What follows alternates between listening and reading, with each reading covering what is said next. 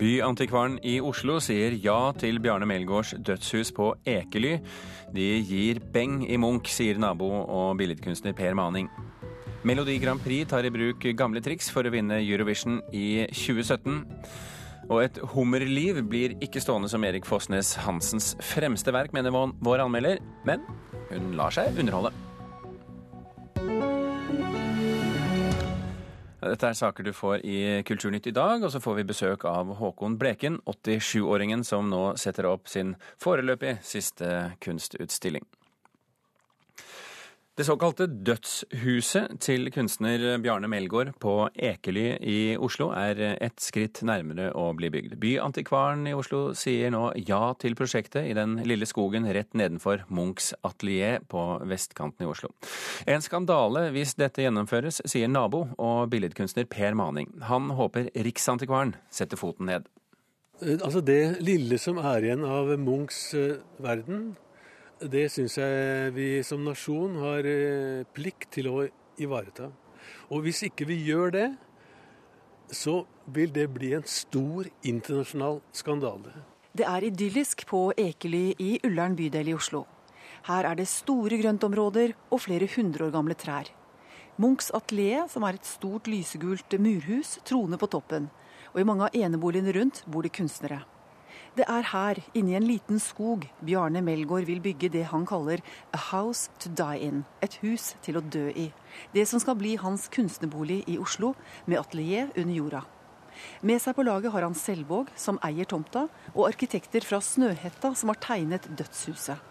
Nå får de tommelen opp av byantikvar Janne Vilberg. Det handler i utgangspunktet om et veldig spennende eh, si, kombinasjon av kunst- og boligprosjekt. Eh, og det er maken har vi jo ikke sett i Norge. Og det gjorde det jo utfordrende for oss i det hele tatt å kunne ta standpunkt i det. Huset skal bygges i svartbrent, forkullet eik. Det underjordiske atelieret skal dekkes av et vannspeil. De første planene var så omfattende at byantikvaren ikke ville godta dem. Men nå har utbyggerne tatt hensyn til innspillene og bl.a. fjernet et tolv meter høyt tårn.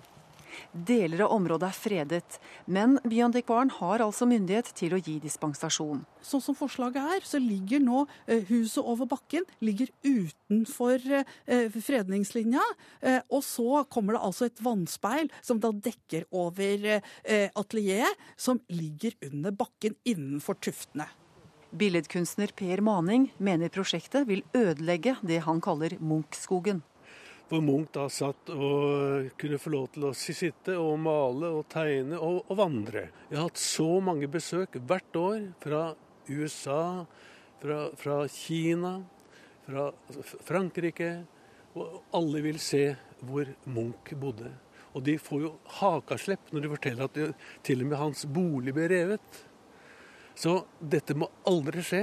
Riksantikvaren må frede alt sammen. Rett og slett. Hvis ikke så må alle bytte jobb. og han har flere naboer med seg i protesten. Han understreker også at det ikke er Bjarne Melgaard, en kunstner han har stor respekt for, som han er ute etter, men utbygger Selvåg. Altså, på meg virker det som de gir, altså, de gir beng i Munch. De tenker bare på seg selv og penger. Det er helt feil. Svarer Olav Hindal Selvåg, eier i Selvåg-gruppen, på en ekstremt dårlig telefonlinje fra Italia. For det så sto det jo et hus uh, i sin tid på denne tomten akkurat der vi er nå. Og hvis du går opp til eller er i Munchs atelier, så er det ikke i nærheten av å se det prosjektet som eh, er ment å bygges på den tomten som det har vært stått et hus på. Dette er et uh, kunstprosjekt som uh, kunst- og kulturprosjekt som ikke vi har noen som helst forhåpning til å Eh, det er eh, snarere tvert imot en stor eh, kostnad, men vi tror at det vil være et veldig morsomt og interessant bidrag til kunstkolonien eller, eller den, den historien som dette området har. Ja, Det sa Olav Hindal Selvåg, eier i Selvåg-gruppen. Reportere i dette innslaget det var Kalle Turkerud og Else Karina Archi. En internasjonal jury i den norske Melodi Grand Prix-finalen skal gi Norge seieren i den internasjonale finalen. Det er i hvert fall håpet når norske MGP tar opp igjen en metode de har brukt med hell før. Denne gangen så skal vi jo vinne Eurovision. Og da må vi ta noen tiltak, så vi har lagd en strategiplan. Det funket for Bobby Socks. Og Secret Garden. Laureen. Og Mons Selmerløv. Eller det er i hvert fall sannsynlig at en internasjonal jury var med på å hjelpe disse bidragene med å vinne Eurovision. Vi eh, går derfor veldig vitenskapelig til verks og ser at når det har vært brukt internasjonal jury, så har vi rett og slett gjort det bedre. Så nå gjør vi det igjen, men med viten om at det viktigste for oss er å få inn de beste låtene. Og inspirasjonen henter de bl.a. fra Sverige. Konkurranseprodusent i svenske Melodifestivalen, Chrissy Bjørkman, sier at det å bruke en internasjonal jury har vært viktig for dem de siste årene. Men jeg syns det er bra. Jeg syns det er logisk, og jeg syns det er bra. Jeg tror at det kommer å gi et resultat. Tidligere MGP-kommentator Jostein Pedersen er også positiv til at det norske vinnerbidraget ikke kun velges av nordmenn neste år. Man får en eh, stemme utenfra som eh, liker litt annerledes popmusikk enn vi nordmenn gjør. Den norske smaken er jo stort sett ganske melankolsk, og vi liker de tunge balladene, mens eh, resten av Europa og kontinentet de går liksom litt mer for de her uh, festlige og artige og raske poplåtene. Så jeg tror kanskje det kan bli en fin balanse. Men Pedersen påpeker også at en slik jury har valgt feil tidligere da Bobby Socks vant i 1985. De valgte faktisk eh, Karma eh, med Anita Skorgan som vinnersang, så det var på en måte folket som, som heiet frem Bobbysocks Bobby Socks akkurat i 1985.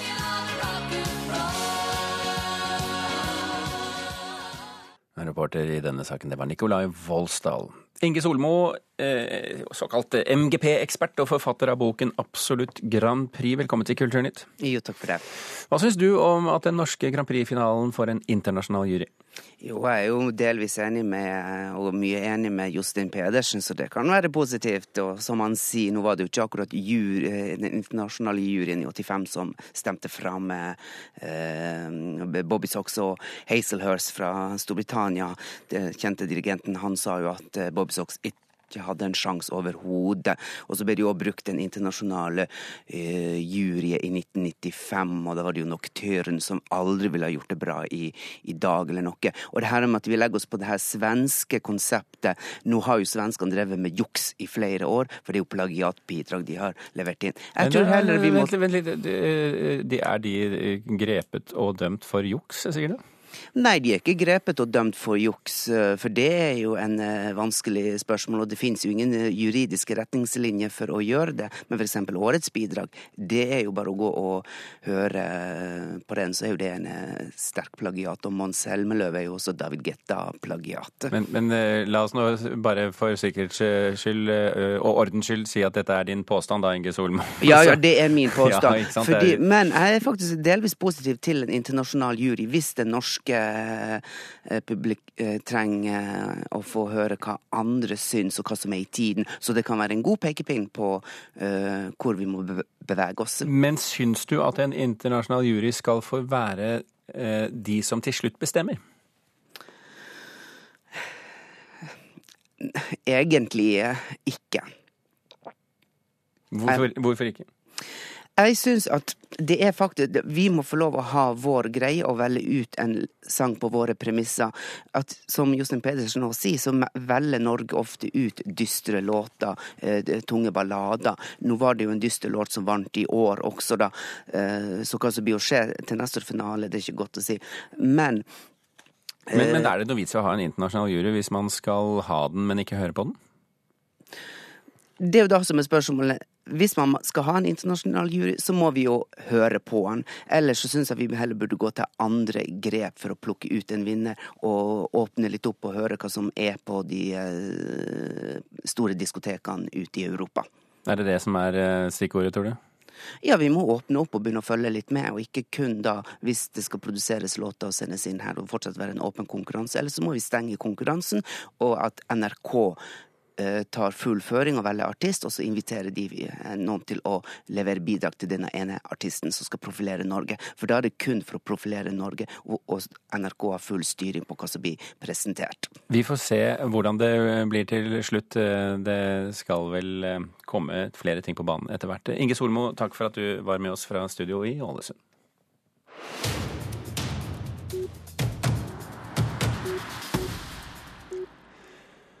Boken Et eh, hummerliv blir ikke stående som Erik Fossnes Hansens fremste verk, men mild satire, identitetsjakt og nostalgisk tidskoloritt gjør romanen underholdende å lese. Det er ifølge en person som sitter her i studio, litteraturkritiker Anne Katrine Straume. Først og fremst, eh, Straume, handler denne boken om hummeret?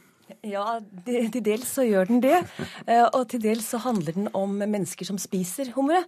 Eh, Sedgwick, eller Sed for enkelhets skyld, som er vår jeg-forteller, er 14 år gammel, og han vokser opp på et høyfjellshotell sammen med besteforeldrene. Og de serverer hummer når det skal være fint. Mm. Samtidig så er besteforeldrene en type mennesker som ikke gir så mye av seg selv. De holder hemmelig og inni seg det de plages med. For så forteller de ikke til Sed hvor moren hans ble av. Hun forsvant da han ble, da han var liten. De sier ingenting om hvem faren hans var, som vi skjønner etter hvert døde før Sed ble født. Så de er på en måte eh, innkapslet i et slags hummerpanser, de ja. også, da. Hva handler boken om bak selve historien? Eh, boken handler om livsløgn, om eh, forstillelse og om det at det er så vanskelig å snakke om ting som bekymrer oss, ting vi plages av. At noen nettopp ikke kan klare å ta tak i det som, som plager dem da. Så det handler om, om, om livsløgn, vil jeg si. Og så handler det også om jakten på identitet. For det er jo noe Sed er veldig opptatt av. Hvem er han egentlig? Hvem var foreldrene? Og så handler det om en konkurs fordi vi er på 1980-tallet, hvor norske turister heller reiser til det infernalske Syden, som bestefaren kaller det, istedenfor å dra til luksusferie på et høyfjellshotell. Så, så, her, så her har vi fjellet, livsløgnen og konkursen. Det høres nesten litt Ibsens, Ibsensk ut? Det høres litt Ibsensk ut, ja. Nei, kanskje ikke. ja, det ligger litt Ibsen i det. Det gjør det. altså, eh, Erik Fossnes Hansen er jo kjent for å skrive godt. Eh, godt språk. Uh, har han det her òg? Det har han. Uh, det som er pussig, eller morsomt da med denne boken, er jo det at det er Sedd eh, som forteller denne 14-åringen. Og han er en veslevoksen, bråmoden, men også umoden guttunge. Han er full av dannelse og full av besteforeldrenes språk, men er ikke så um, full av innsikt kanskje om den verden som er rundt ham. Så dermed så får vi en slags gjenklang av dette litt gammelmodige språket til besteforeldrene. Uh, det kan bli litt oppstyltet, litt fullt av floskler, men det er denne måten han snakker på, da, denne unggutten. Og, hvordan passer det til historien? syns det passer godt, fordi det er en historie som viser nettopp denne usikre gutten som har så mye altså Han har et språk som på en måte han ikler seg som en kappe, uten mm. at han har gjort det til sitt. Du sier at denne eh, er en underholdende bok, men eh, forbløffende unødvendig. Eller det er i hvert fall en formulering du ja. bruker i nettartikkelen. Ja, det kan si er litt trist å si, fordi jeg underholdes mens jeg leser, men det er ikke en bok som blir sittende i etterpå. Eh, Erik Fossnes Hansen, nå har det gått ti år siden hans siste roman 'Løvekvinnen', som jo nå er blitt film. Han er aller mest kjent for 'Salmer ved reisens slutt', som ble et sånt digert internasjonalt internasjonalt gjennombrudd. Den sitter i meg enda. Eh, denne boken var fin underveis, men det har ikke gjort noen synlig spor i sjel eller sinn. Anne Katrine Sterme, takk skal du ha.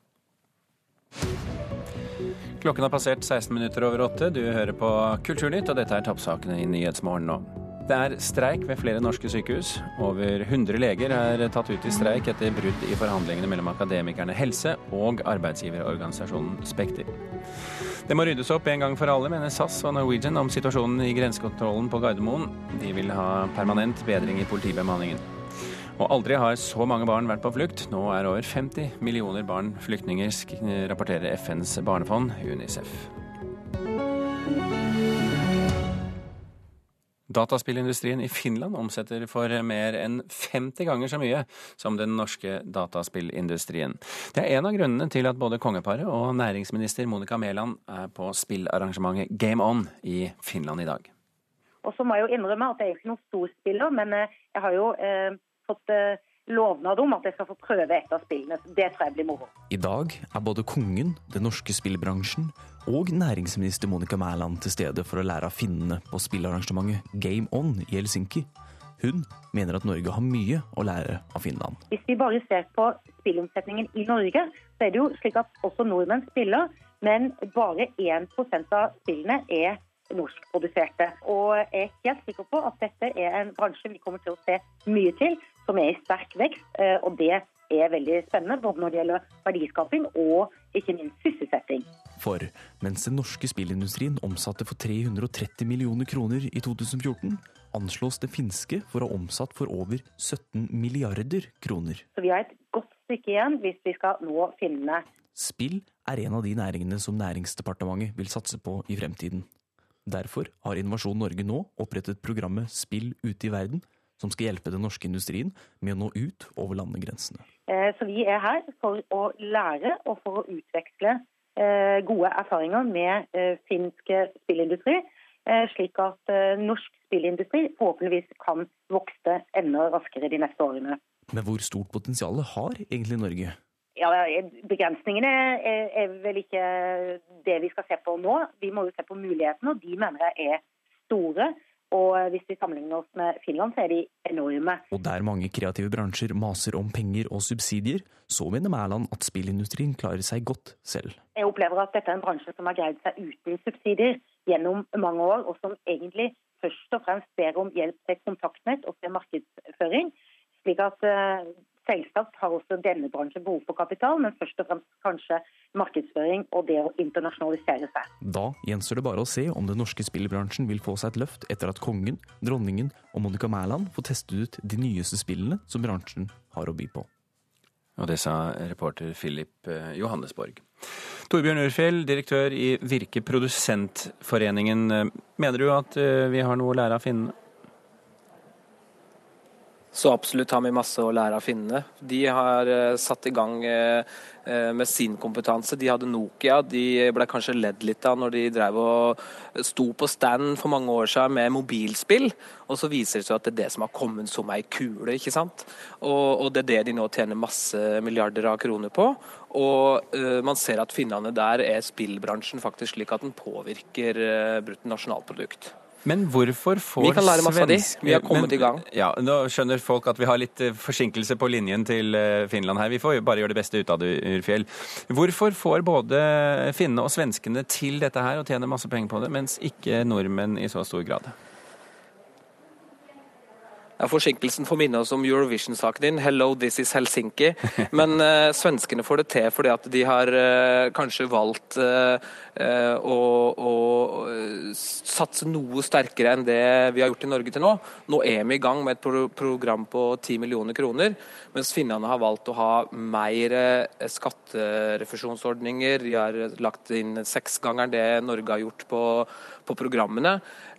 Og det vi ønsker nå, det er ikke bare mer penger for at eh, man ser at eh, penger inn eh, til å støtte spill gir mange penger ut. Men det er jo noe mer hjelp av Innovasjon Norge og de virkemidlene som Monica Mæland har, til å komme seg gjennom dødsskyggens dal, for den er veldig lang for spillselskapene. Men Mæland sier jo her at det er jo ikke statsstøtte som skal til, det er andre typer støtte og, og vennligsinnet virksomhet fra investorer. Ja, og det er en kombinasjon av det. Eh, så det, Derfor har vi mange ting å diskutere med Monica Mæland òg etter dette besøket. Hun lærer mer, vi lærer mer, eh, og vi kan komme tilbake og lage enda mer treffsikker politikk i Norge. Men betyr det at du som representant for spillprodusenter i Norge eh, kommer til å si til henne at hun må frem med pengeboken? Eh, ikke nødvendigvis at vi skal ha så veldig mye penger, men vi ønsker å få justert på noe av Innovasjon Norge-programmene, slik at en ikke er nødt til å slå selskapet konkurs hvis de har trøbbel med å innfri noen av låna. For den viktigste verdien som de norske spillselskapene samler seg, det er ikke nødvendigvis eh, bare det, det de tjener inn eh, umiddelbart, men det er nettopp samling av talent. Det at du klarer å samle grupperinger av folk som kan utvikle de nye virkelig store hitene. Og øh, Hvis de da blir tatt livet av i dødsskyggens dal fordi de ikke betaler, klarer å betale tilbake til Innovasjon Norge, så kan vi heller se på om kanskje man kunne gjøre en deal med at, de, at øh, man kunne få en del av, av IP-en, altså eierskapet av, av, det produktet som blir øh, skapt på sikt. Men rent bortsett fra 17 milliarder i året, hva har Finland fått ut av spillindustrien? De har fått ut selvfølgelig de arbeidsplassene at folk, som, som da handler om, om økonomi, og, men òg en kreativitet. Vi ser òg at de spillfolka som utvikles i finske selskaper, òg går inn i andre typer bedrifter. Gamification som påvirker hele samfunnet. Vi ser på den næringslivsdelegasjonen som er her i Finland nå. Det er jo noe av det moro at vi som er spillfolk, vi møter folk som er helsefolk og utdanningsfolk, så ser den hvordan den teknologien utvikla av de folka som lager spill, også påvirker veldig mange andre sektorer. Torbjørn Urfjell, direktør i Virke Produsentforeningen, takk for at du var med oss på linje fra Helsinki.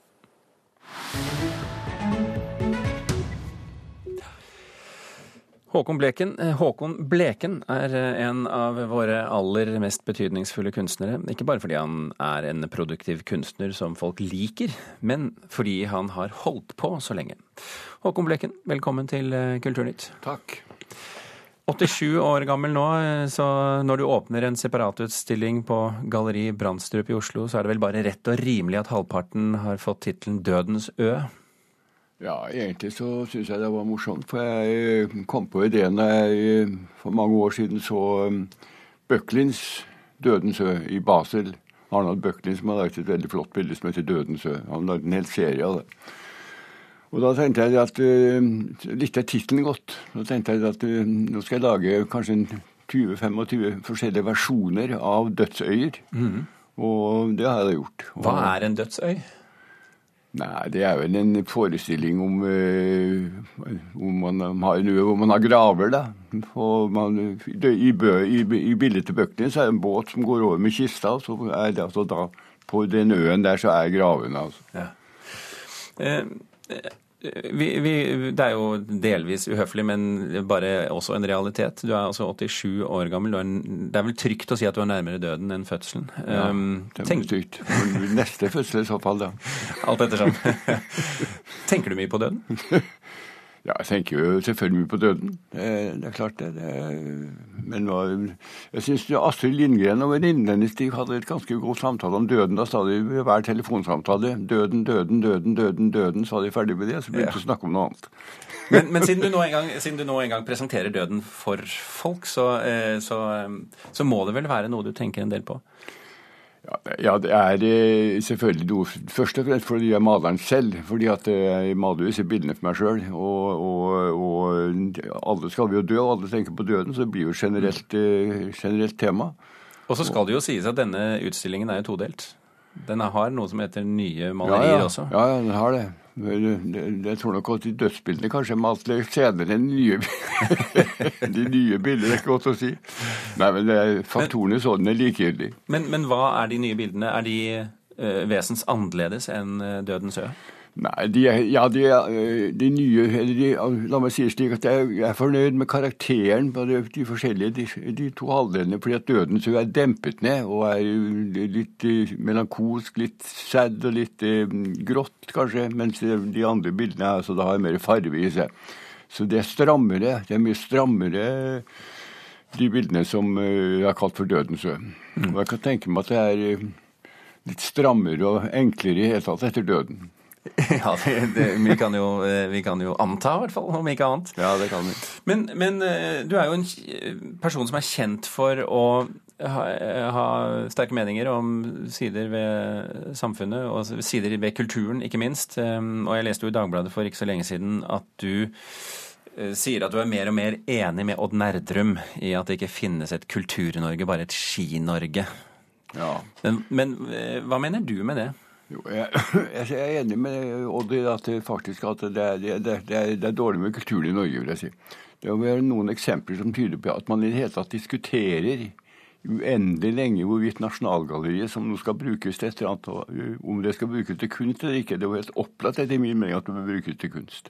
I, i, I det andre land så ville de restaurert bygningen hvis, noe, hvis det var noe gærent med den, og, og fortsatt å bruke det som kunst. I Norge diskuterer man hvorvidt han skal bruke det til hva som helst. Det har endog vært forslag om å selge det privat. Det er jo fantastisk. Altså, det, er, det er ikke et kulturland som gjør slikt. altså. På den annen side, eh, Bleken, du har jo levd et godt liv av å være kunstner i Norge, så helt galt kan det jo ikke være? Ja, vel. Det er mange, det er mange uendelig mange grunner til at folk kjøper bilder, altså. Og det er ikke fordi de er kunstinteressert? Jo, det er det også.